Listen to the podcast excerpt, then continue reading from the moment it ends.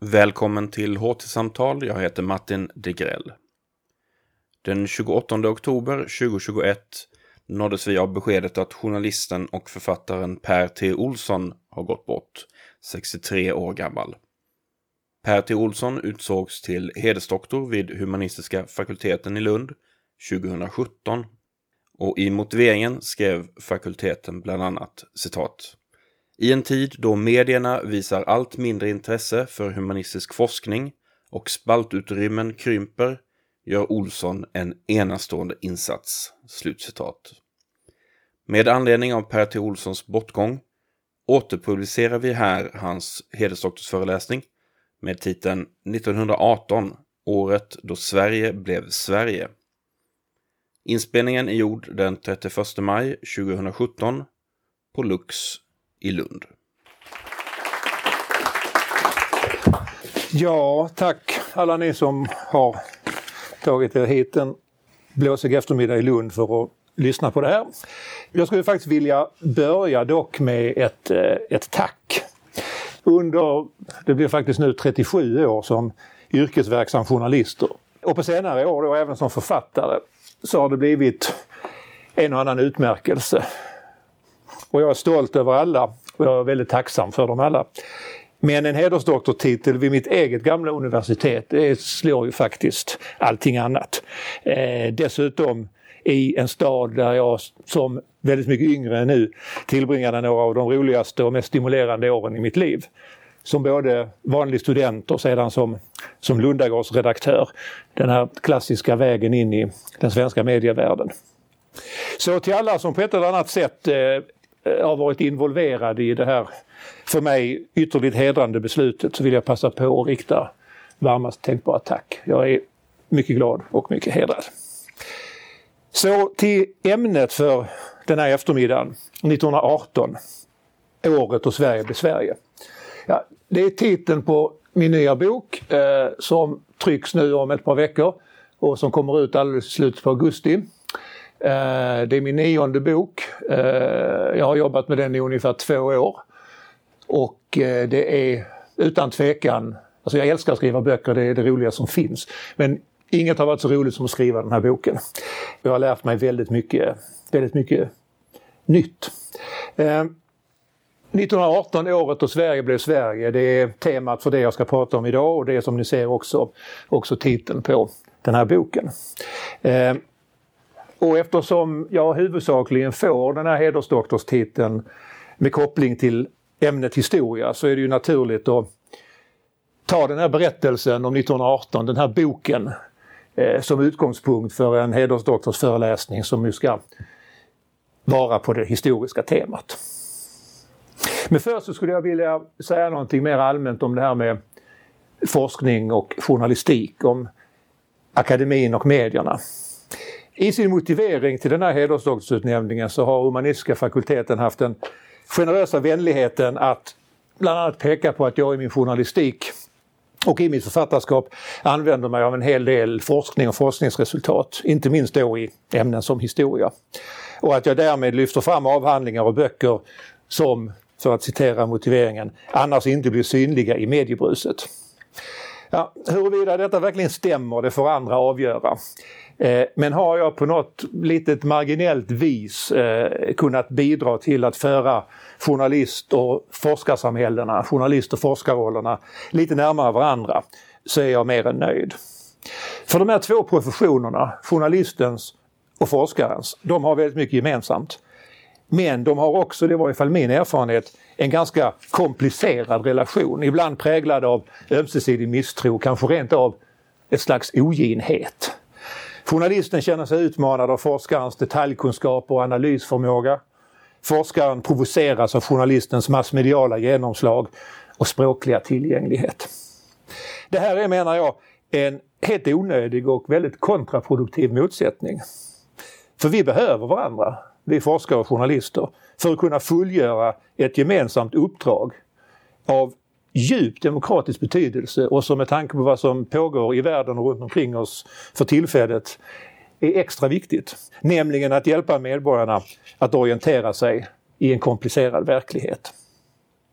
Så därför vill jag, vill jag passa på tillfället här i, idag att eh, rikta också ett speciellt tack till några historiker här i Lund som har bidragit till att forma min egen bild av vad som skett och sker omkring oss. Min vän Kim Salomon förstås, Eva Helene Ulvros, Claes-Göran Karlsson och Christian Gerner och eh, Sverker Oredsson. De har det gemensamt att de på olika sätt har vidgat mina vyer. Kim Salomon genom sin berättartalang när det gäller till exempel kalla krigets förvecklingar. Eva Helene Ulvros som den kvinnliga rösträttskampen. Det var Eva Helene som när jag höll på med projektet Sveriges statsminister under 100 år gjorde mig uppmärksam på Josefin Rönnbäcks arbete eh, som var en, som det heter på engelska, verkligen en eye-opener. Claes-Göran Karlsson som har skrivit mycket om första världskriget och dess följder och den här boken utspelar sig ju med första världskriget som bakgrund. Christian Gerner naturligtvis om Rysslands och Centraleuropas historia. Och Sverker Oredsson eh, som jag stötte på när jag skrev en av mina första böcker på 1990-talet som var biografi över Johan August Gripenstedt, finansministern som i mitten av 1800-talet la grunden till det svenska välståndet. Eh, Sverker hade skrivit en eh, en utomordentligt fin avhandling om järnvägsfrågan i svensk politik. Och eftersom Gripen, ett av Gripenstedts största insatser var utbyggnaden av den svenska järnvägen så hade jag mycket stor nytta av Sverkers arbete. Och för övrigt så har Sverker just i dagarna kommit med en biografi och, och en av centralgestalterna i min egen berättelse i 1918-boken, nämligen statsminister Nils Edén.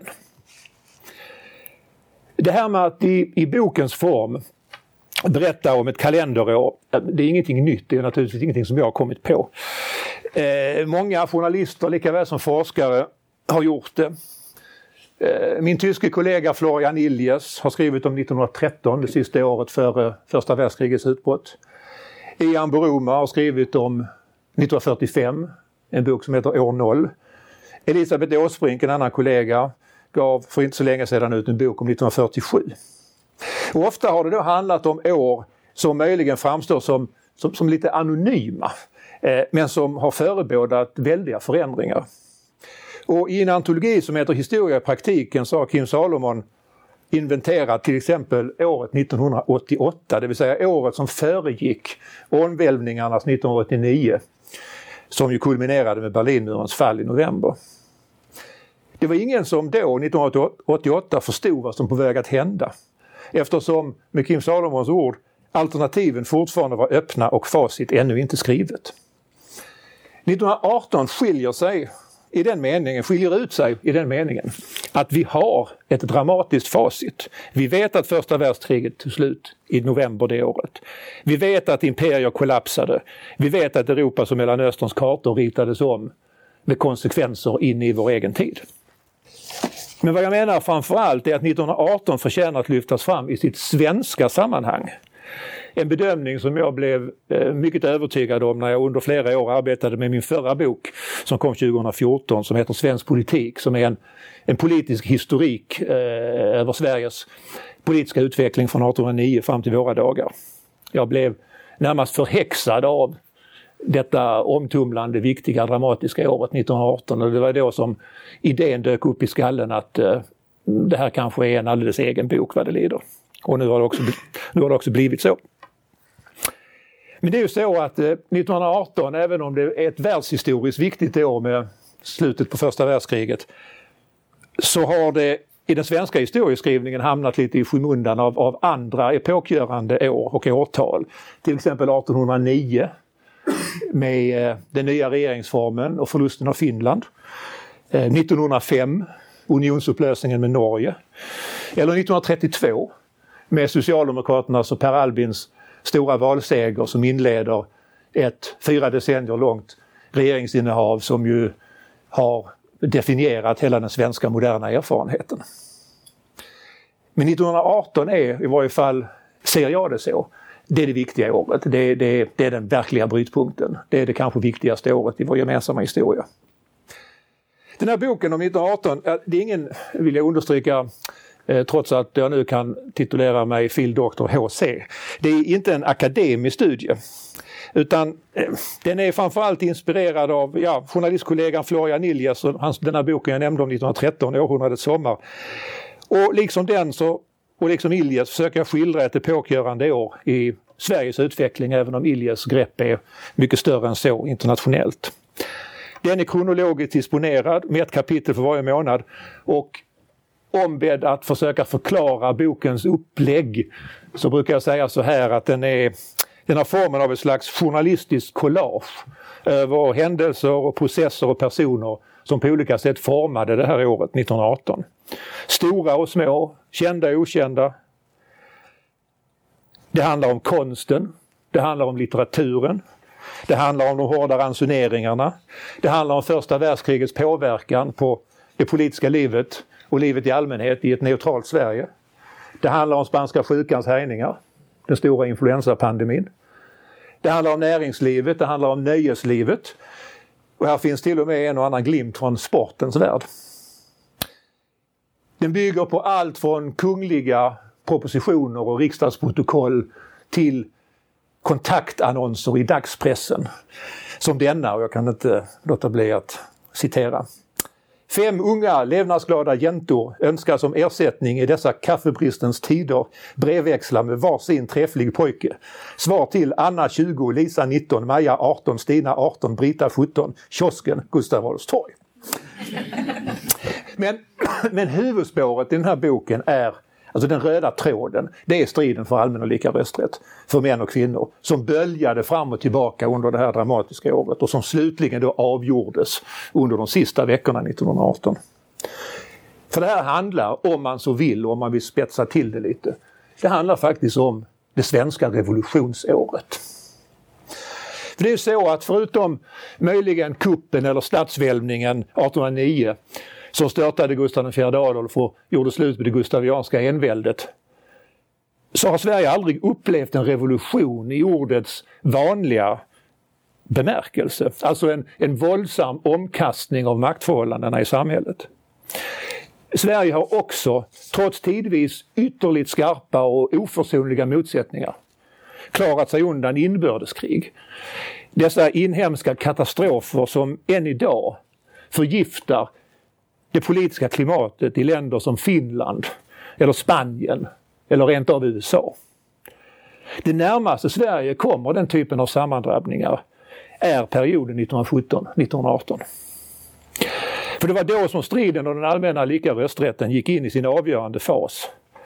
Och avspärrningarna under kriget, dåliga skördar och en tysklutande neutralitetspolitik ledde till drakoniska ransoneringar och bristen på livsmedel och andra nödvändighetsvaror var skriande.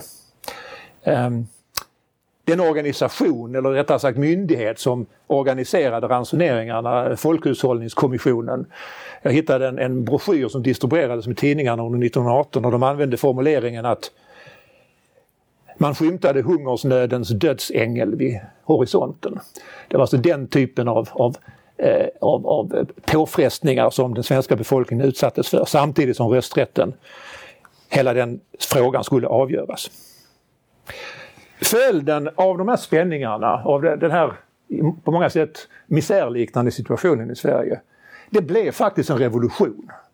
Men det blev en revolution i den meningen att landets politiska system förändrades i grunden genom ett riksdagsbeslut i december 1918. Den gamla ordningen där politiskt inflytande var beroende av materiella tillgångar och, och privilegier ersattes av demokratins princip med en röst för varje man och kvinna. Och ur denna revolution, för en revolution var det, växte hela det öppna fria välfärdssamhälle som vi numera tar för givet och som definieras av jämlikhetens idé. Om svenskar som levde för hundra år sedan plötsligt hade teleporterats eh, till dagens Sverige skulle de naturligtvis ha blivit fullkomligt förbluffade. Eh, inte bara av det allmänna välståndet och allehanda tekniska innovationer utan kanske framförallt av det, det otvungna umgänget människor emellan. Över förut oöverstigliga barriärer. Klassamhällets och könsmaktsordningens strukturer, de är sega. Det återstår mycket att göra. Arbetet blir kanske aldrig färdigt. Men vardagen i Sverige har förvandlats i en utsträckning som dåtidens svenskar inte kunde föreställa sig, utom kanske i utopiernas värld. Den här förändringen genomfördes i allt väsentligt under fredliga och ordnade former. Det hade kunnat gå annorlunda. Men att det skedde fredligt och ordnat berodde på olika faktorer. En viktig sådan var naturligtvis huvudaktörernas förmåga att besinna sig i avgörande lägen. En pådrivande arbetarrörelse som inte gick över våldets gräns. Ett målmedvetet liberalt opinionsarbete. Modiga kvinnor som med fast beslutsamhet krävde sin självklara medborgarrätt. Ett näringsliv som insåg att våldsamma urladdningar var dåliga för affärerna. Och en maktägande höger som slutligen accepterade det oundvikliga nederlaget. Visst, det förekom oroligheter, kravaller, en och annan våldsamhet, men bara i begränsad skala. Det var med andra ord en synnerligen svensk revolution. Genomförd utan excesser och okontrollerade passioner.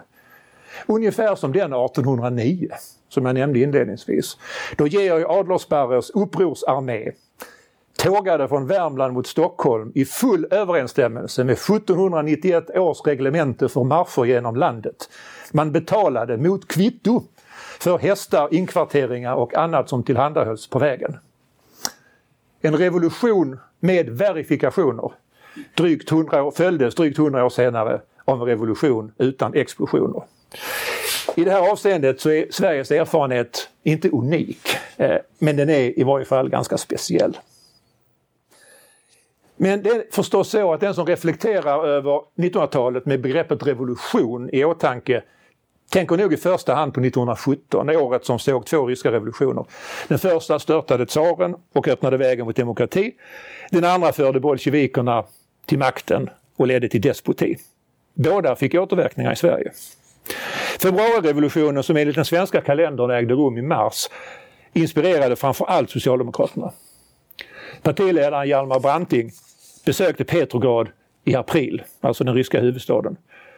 Och när han återvände till Stockholm efter påsk gick han raka vägen från tåget till riksdagen och höll ett flammande tal för rösträtten där han förargade högerledamöter genom att tilltala sina andra, andra kammarkollegor som citoyens, medborgare, ett substantiv som förknippades med franska revolutionen.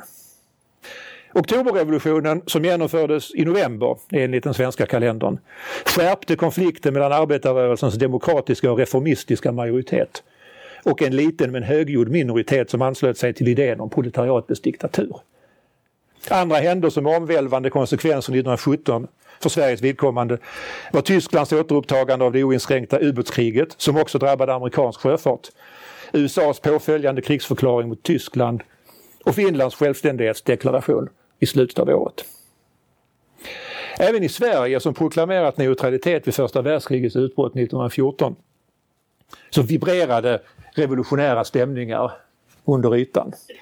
Och ibland bröt de fram och möttes av polisiär och militär repression. I juni 1917 i samband med en rösträttsdebatt i riksdagen skakade Stockholm av upplopp och polischocker mot demonstranter.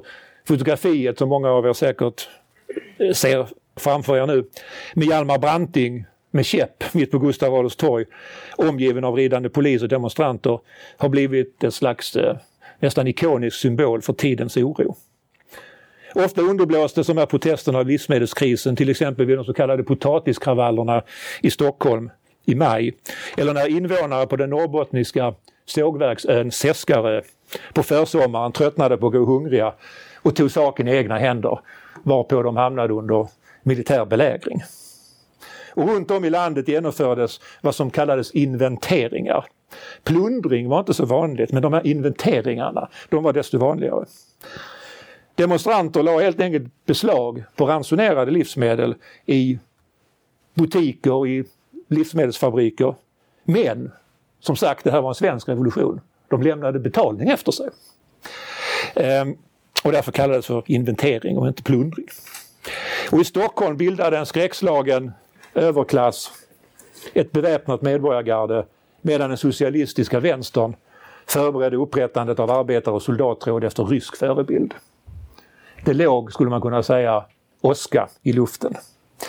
Och ett ingripande av en poliskommissarie vid namn Anders Gustav Kempe som är någon slags huvudgestalt i den här boken Svensk politik som jag gav ut 2014 som en slags eh, eh, symbol, en personifiering av den här besinningen i svensk samhällsutveckling.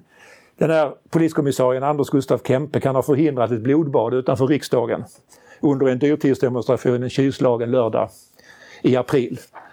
Eh, Kempe drog helt enkelt in sin överordnade polismästaren Tam genom porten till riksdagshuset i precis det ögonblick då Tam skulle ge signal till polisförstärkningar att anfalla en folkmassa på 10 000 personer som hade samlats framför riksdagshuset under en pågående livsmedelsdebatt.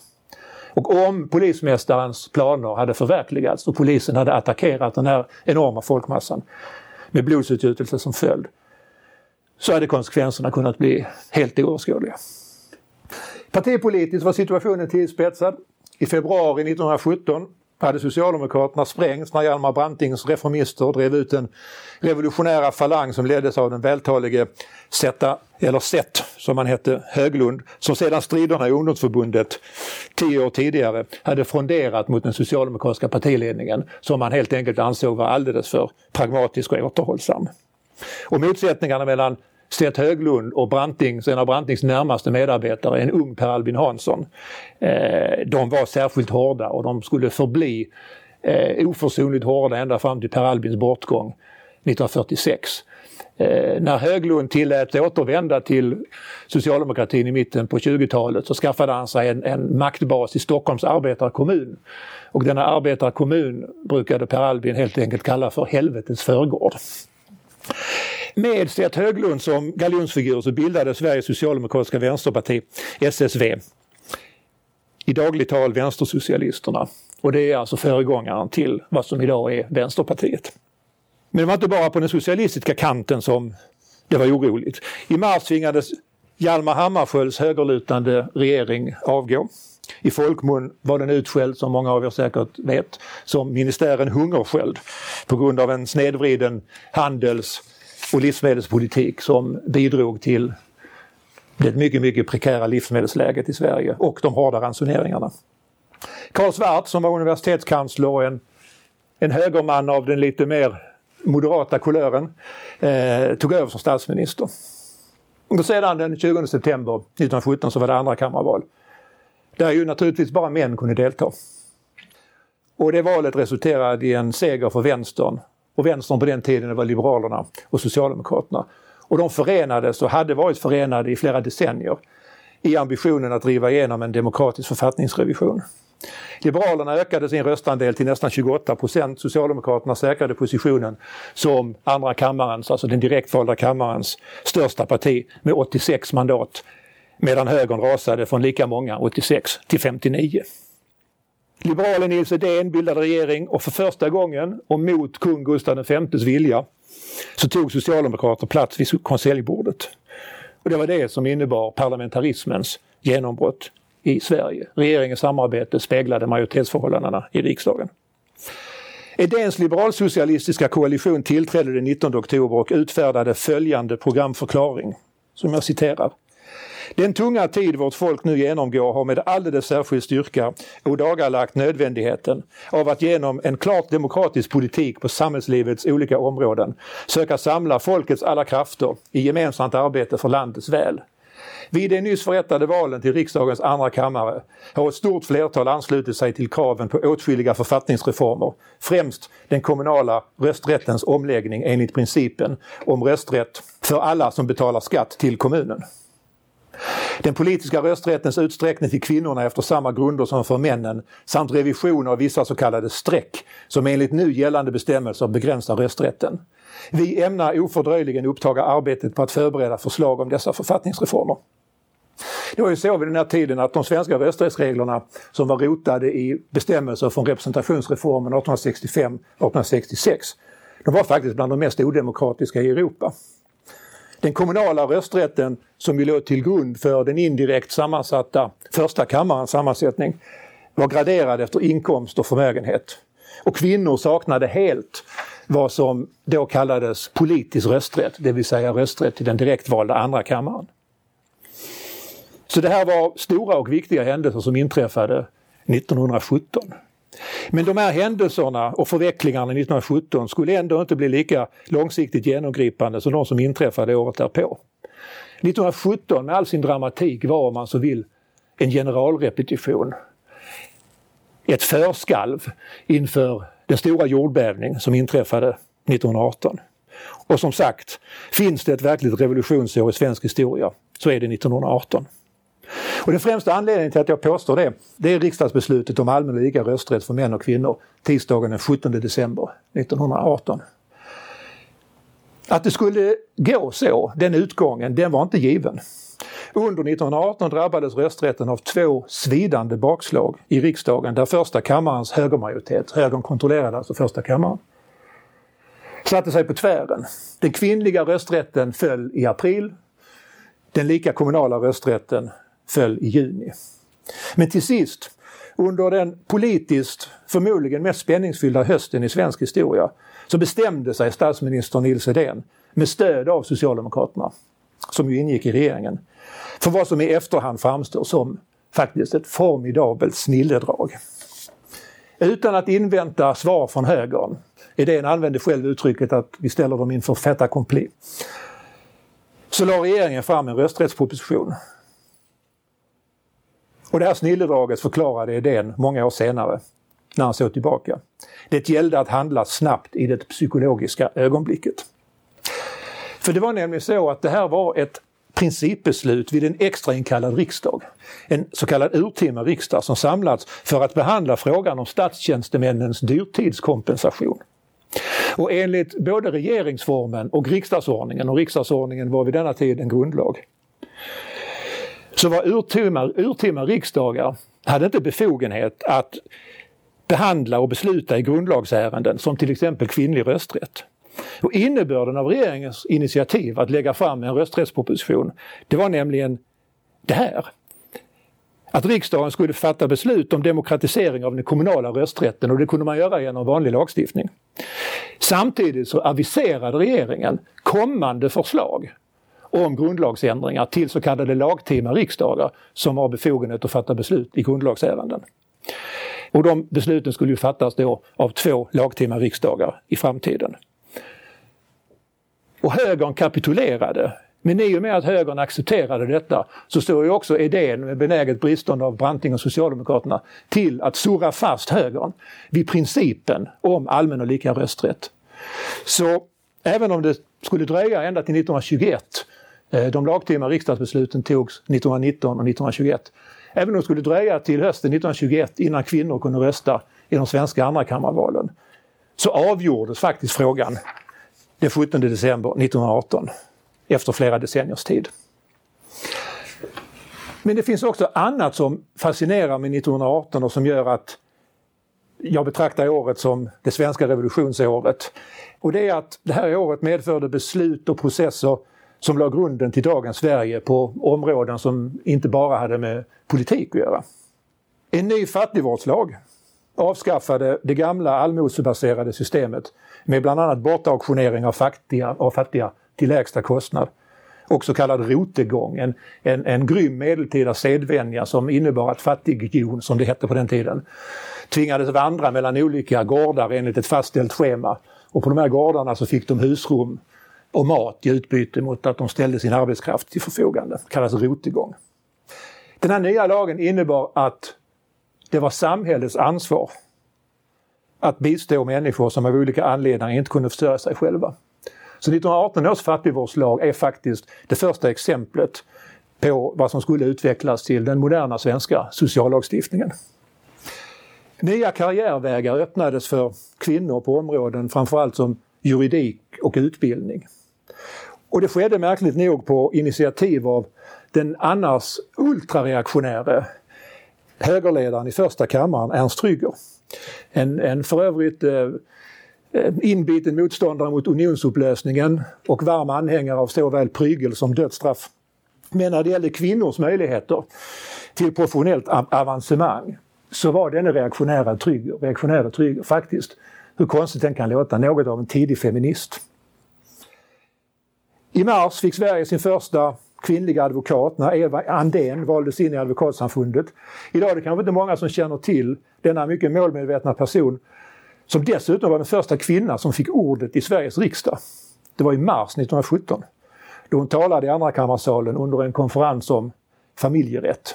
Och första kammarens ledamöter de formligen stormade in på åhörarläktaren för att kunna bevittna denna sensation att det för första gången stod en kvinna i riksdagens talarstol.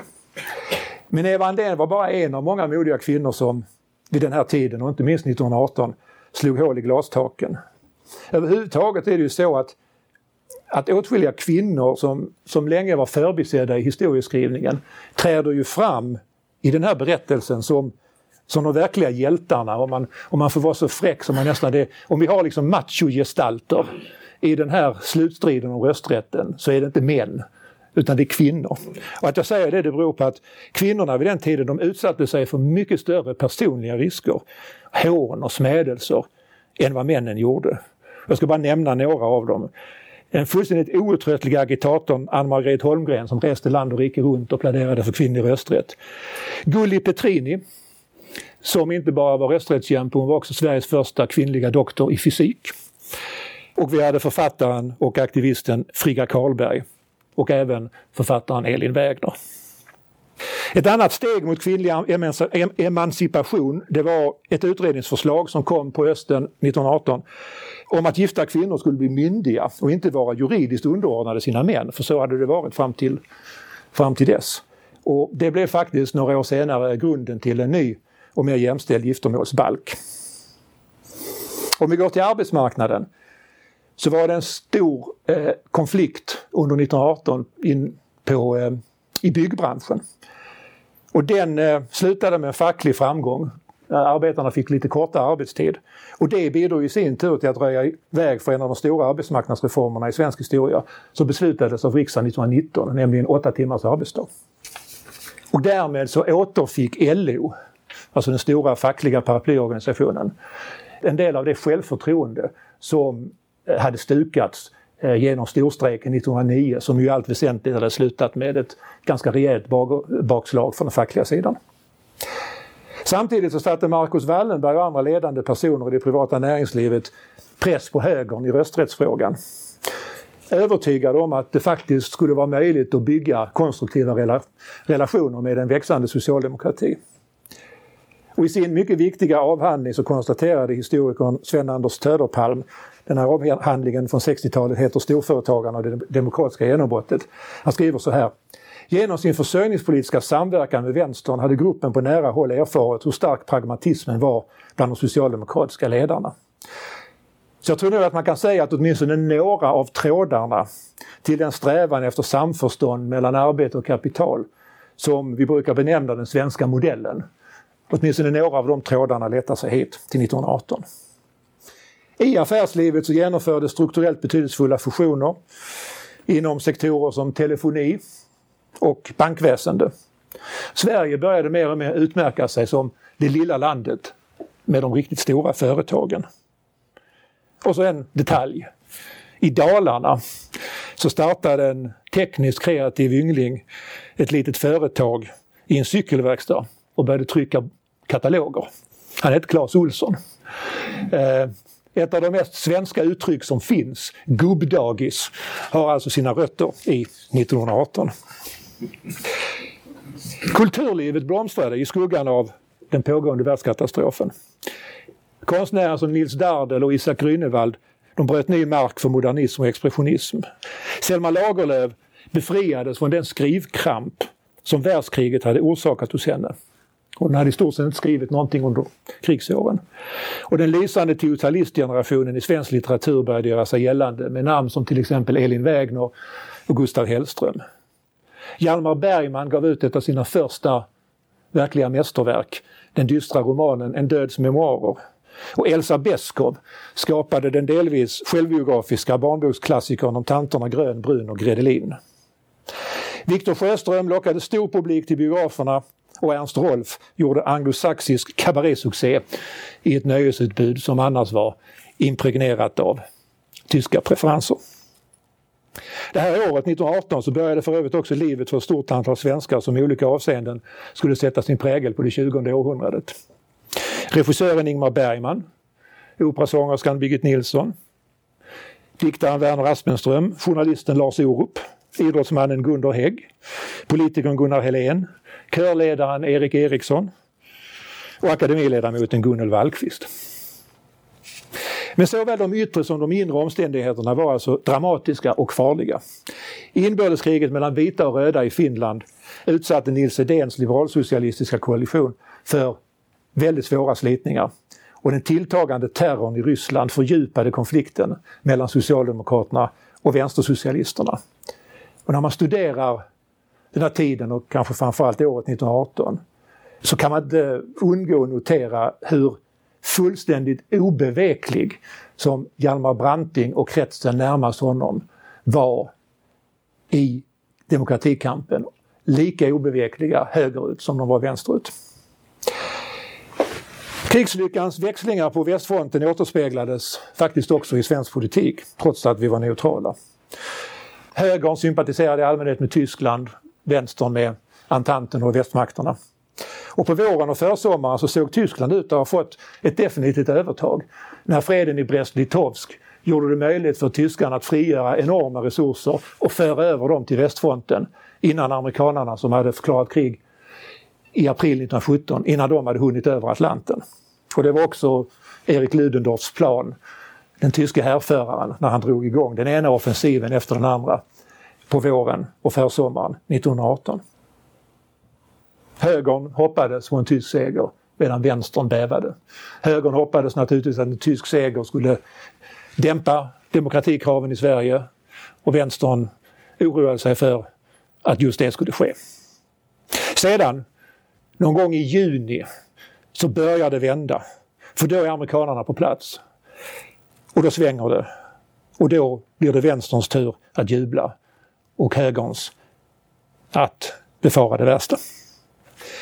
Det tyska revolutionsutbrottet dagarna före vapenstilleståndet den 11 november påverkade den svenska utvecklingen eh, mer än kanske någon annan extern händelse. Och detta tyska revolutionsutbrott påverkade Sverige i mycket, mycket högre grad än de båda ryska revolutionerna 1917. För Socialdemokraterna och Liberalerna som slogs för rösträtten så blev den här tyska oron ett väldigt effektivt politiskt argument. Och något sånt kunde inträffa i ett utvecklat och näraliggande land som Tyskland. Så skulle det också kunna inträffa i Sverige om högern inte vet sig, vek sig i rösträttsfrågan. Men högerledningen med Ernst Trygger som ledare i första kammaren och Arvid Lindman i andra, de stretade in i det sista emot en författningsreform. I november var situationen så nervös att slutstycken avlägsnades från värnpliktigas vapen och en pansarbåt med lojal besättning ankrade på Stockholms ström. Irriterad över villrådigheten hos en av sina amiraler eftersom han befarade revolt bland matroserna så skrek den socialdemokratiske sjöförsvarsministern Erik Palmstierna till honom. Nå, då tar jag ansvaret, skjut en halv minut innan det är för sent. Tisdagen den 12 november, onsdagen den 13 november och torsdagen den 14 november framstår som några av de mest dramatiska och avgörande dagarna i svensk historia. Regeringen satt i nästan oavbrutna överläggningar för att man inte skulle tappa kontroll över utvecklingen. Till höger höll motståndet i sig mot rösträtten och på vänstersocialisternas initiativ förberedde man på den yttersta vänsterkanten vad som kallades en revolutionär aktion. Det här var en dynamik som under de här dagarna hade kunnat slå över i revolution, generalstrejk, gatustrider, inbördeskrig, kanske en reaktionär kupp. Och så den 14, december, eh, förlåt, 14 november 1918 tillkännagav regeringen slutligen huvuddragen i sin rösträttsproposition i en kommuniké som avslutades med följande uppmaning. Regeringen vädjar till Sveriges folk att under nuvarande svåra in och utrikespolitiska förhållanden stödja den i arbetet för dessa uppgifters förverkligande. Omständigheterna om det här offentliggörandet säger en hel del om, om skillnaden att bedriva regeringsverksamhet då och nu med tanke på den enorma apparat som eh, den det svenska regeringskansliet idag har att tillgå. Eh, statsråden lyckades inte komma överens om de här formuleringarna förrän efter klockan fem. Och då hade personalen i kanslihuset gått hem. Så alla ministrarna fick sätta sig och renskriva varsitt exemplar som sedan delades ut. Och ett av de här exemplaren budades över till LO där representantskapet var samlat. Och LO ställde sig omedelbart bakom regeringen. Eh, här ska man också peka på att LO vid den här tiden hade en ordförande med det välbekant klingande namnet Herman Lindqvist. Han, han var alltså farfar till journalisten och författaren Herman Lindqvist. Som var mycket pragmatisk och som spelade en väldigt, väldigt viktig roll för att hålla den här utvecklingen eh, lugn och ordnad. Och samma kväll den 14 november så framträdde Hjalmar Branting i massmöte på Stockholms Folkets hus. Och där lyckades Branting med ett annat snilledrag desarmera hela den känsliga republikfrågan. För Socialdemokraterna krävde ju republik. Och dit ville Liberalerna inte gå. Och hade Socialdemokraterna i det här läget krävt republik så hade regeringen spruckit och då hade det kunnat gå precis hur som helst. Vad gör Branting? Han lägger till en bisats. Jo, visst ska vi ha republik, men det ska föregås av en folkomröstning. Och eftersom opinionen i Sverige, då som nu, var väldigt royalistisk, så just den här lilla det ska föregås av ett referendum, som det står, en folkomröstning. Så desarmerades hela frågan. Och det var Brantings snilledrag. Och därmed kunde regeringen sitta kvar. Nästa dag, den 15 november, när situationen så att säga hade börjat lugna sig och det värsta dramat var över, så finns en rörande och möjligen något tillrättalagd skildring signerad den socialdemokratiska ecklesiastikministern Verner Rydén, som var en nyckelperson i regeringen eftersom Hjalmar Branting hade lämnat regeringen redan i januari 1918, trött och utarbetad. Det var nämligen så att det fanns en knäckfråga mellan Liberalerna och Socialdemokraterna och det var det så kallade kommunala utskyldsstrecket. Alltså kravet på att man måste ha erlagt kommunala skatter och avgifter för att erhålla kommunal rösträtt. Socialdemokraterna ville ha bort det här strecket helt och hållet men Liberalerna tvekade. Idén gav med sig till sist men var väldigt orolig för att han skulle få inte minst de liberala lantmännen, alltså de liberala bönderna emot sig. Och han oroade sig för att det här rent av skulle kunna leda till en regeringskris. Så den 15 november så ringde han till Rydén och bad Rydén komma till statsministerns tjänsterum. Och när Rydén gick in så satt Rydén med händerna lutat i huvudet, alldeles stilla och tyst. Satt så en lång stund och till sist reste han sig fram. Reste han sig upp och gick fram till Rydén som skriv, skriver så här i sina bevarade noteringar. Det är den som öppnar samtalet. Om vi nu går med på detta, kan du garantera att ditt parti följer sina representanter i regeringen? Jag svarade, garantier kan jag inte giva, men jag lovar i detta högtidliga ögonblick att jag, om så påfordras, skall sätta in mitt liv på att söka hålla det hela samman. Under djup rörelse tryckte vi varandras händer och lovade varandra att som en man stå eller falla för arbetet att genomföra författningsrevisionen och upprätthålla lugn och ordning i landet. Under de här korta sekunderna i kanslihuset så kan man säga att ett helt folks demokratiska förhoppningar sammanstrålade i politisk, regional och social bemärkelse. När liberalen och socialisten, norrlänningen och Malmöbon professorn och folkskolläraren fattade varandras händer och lovade att stötta varandra. Så kanske var det då, just då, i exakt det ögonblicket, som den svenska demokratin föddes. Ute i landet så förvärrades situationen under hela 1918 av ransoneringar som blev hårdare och hårdare trots två avtal under året med västmakterna om leveranser av bland annat livsmedel i utbyte mot att Sverige ställde fartygstonnage till deras förfogande. Och det rådde brist på i stort sett allt, inte bara mat. Det var brist på gummi, det var brist på sytråd, det var brist på tobak, det var brist på kläder. Och det var akut brist på liksvepningar. Eh, det är absurt när man bläddrar på tidningarnas familjesidor så är det då och då annonser för från Tyskland importerade liksvepningar i papper. Eh, som folk uppmanades att istället inhandla för det var svårt att få tag på tyg överhuvudtaget. Svartabörshandeln grasserade och så kallade gulaschbaroner tjänade förmögenheter på människors desperation. Och naturligtvis var det så att en mindre nogräknad surrogatindustri blomstrade i den här varubristens spår. Och i Filipstad så prövade en 19-årig yngling sina poetiska vingar som kuplettsångare på ordenshuset. När han framförde surrogatvisan var det knappast någon i den förströdda publiken som anade att Nils Ferlin med tiden skulle bli en av Sveriges mest folkkära diktare. Finns det ingen här som tror att Hin Unde har en bror och han heter Surrogaten och den har vi fått i maten. Men se, man röker vad man får och tänk ändå så gott man mår. Utav körsbärsblad och fenkål, ja också stenkål i röket går. Det är, det är mästerligt. Den största påfrestningen på den svenska befolkningen 1918 var emellertid en svår influensaepidemi. Den geografiskt mest omfattande pandemi som någonsin har drabbat mänskligheten. Och det nådde Sverige vid midsommartid 1918. Och när året var till ända så hade, till ända, så hade spanska sjukans lie svet bort 27 000 människoliv i Sverige. En halv miljon svenskar beräknas ha insjuknat i en befolkning på 5,5 miljoner. Skolor och nöjesetablissemang måste hålla stängt. Sjukhusen var överfulla och värnpliktiga som smittats inkvarterades under de mest eländiga förhållanden. Inga samhällsgrupper skonades. Spanska sjukan härjade i fattiga byar i Norrland, lika väl som på Drottningholms slott, där prins Erik dukade under i september 1918. Här i Lund så fick föreläsningar ställas in på grund av epidemin som hängde som ett hotande moln över universitetets 250-årsjubileum som ändå lyckade, man lyckades hålla i slutet av september 1918.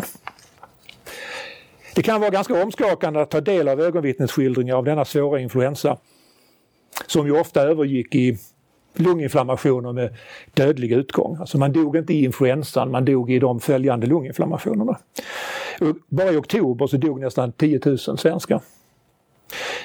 Och då var det så illa så att i Solna tvingades man i nästan panik öppna en i all hast färdigställd influensakyrkogård. Och begravningsklockorna, det var många som klagade på det, ringde i stort sett från morgon till kväll och det var ständiga ambulansutryckningar. Och när den här sjukdomen gick in i sitt terminala tillstånd så var förloppet det var rent förfärande.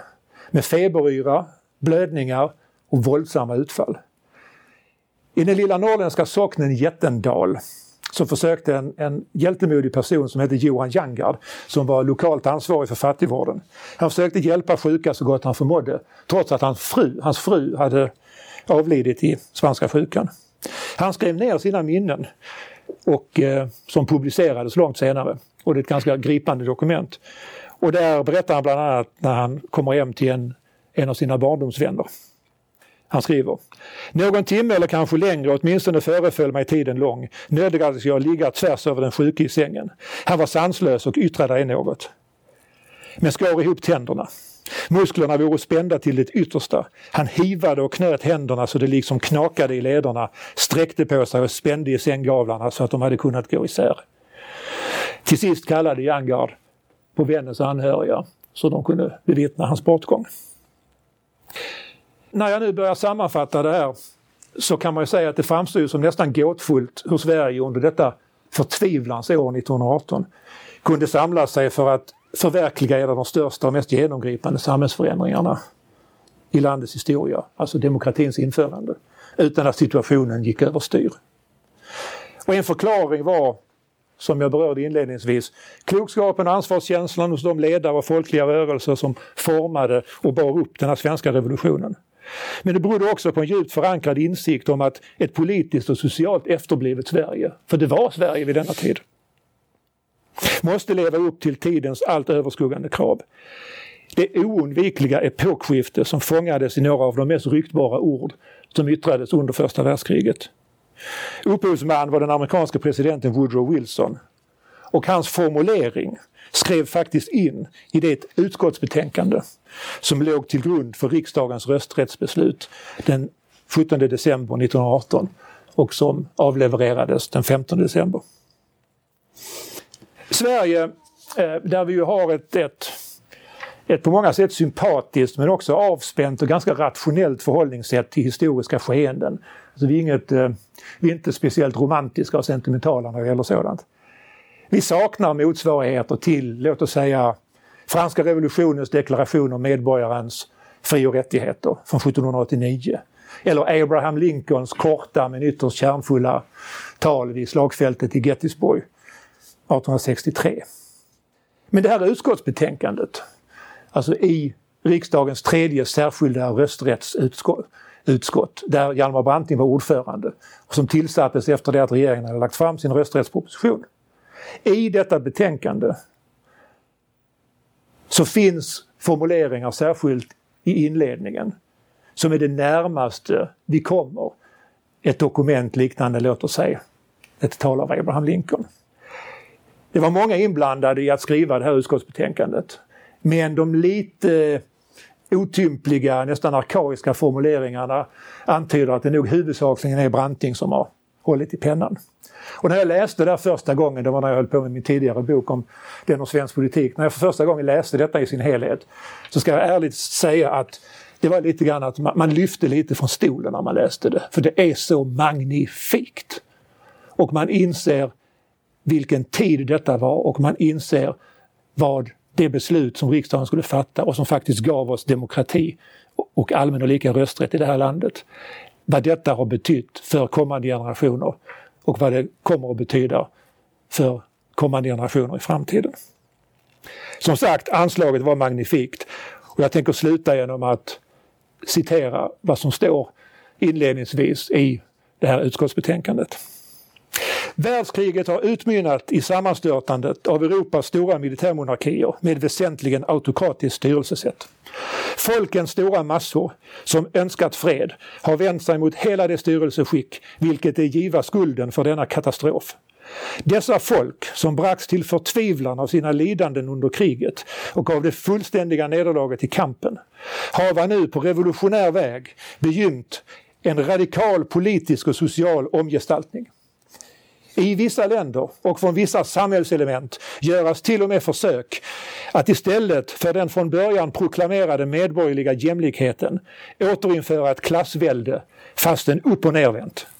De nya privilegierade skulle utgöras av det gamla samhällets bottenlager medan de som förut intog förmånsställningen nu öppet dömas till rättslöshet.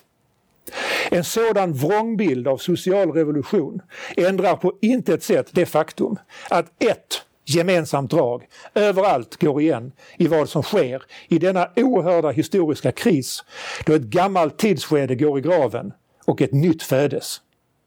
Dessa folk som blint följt sina ledare genom krigets elände ända fram mot den fullständiga undergången. Det sätter nu som sitt högsta fälttecken den djupa och sunda lösen som givits ut av Förenta Staternas president vid Förenta Staternas inträde i kriget. Världen måste göras trygg för demokratin. En ny tid tog sin början och Sverige blev Sverige. Tack!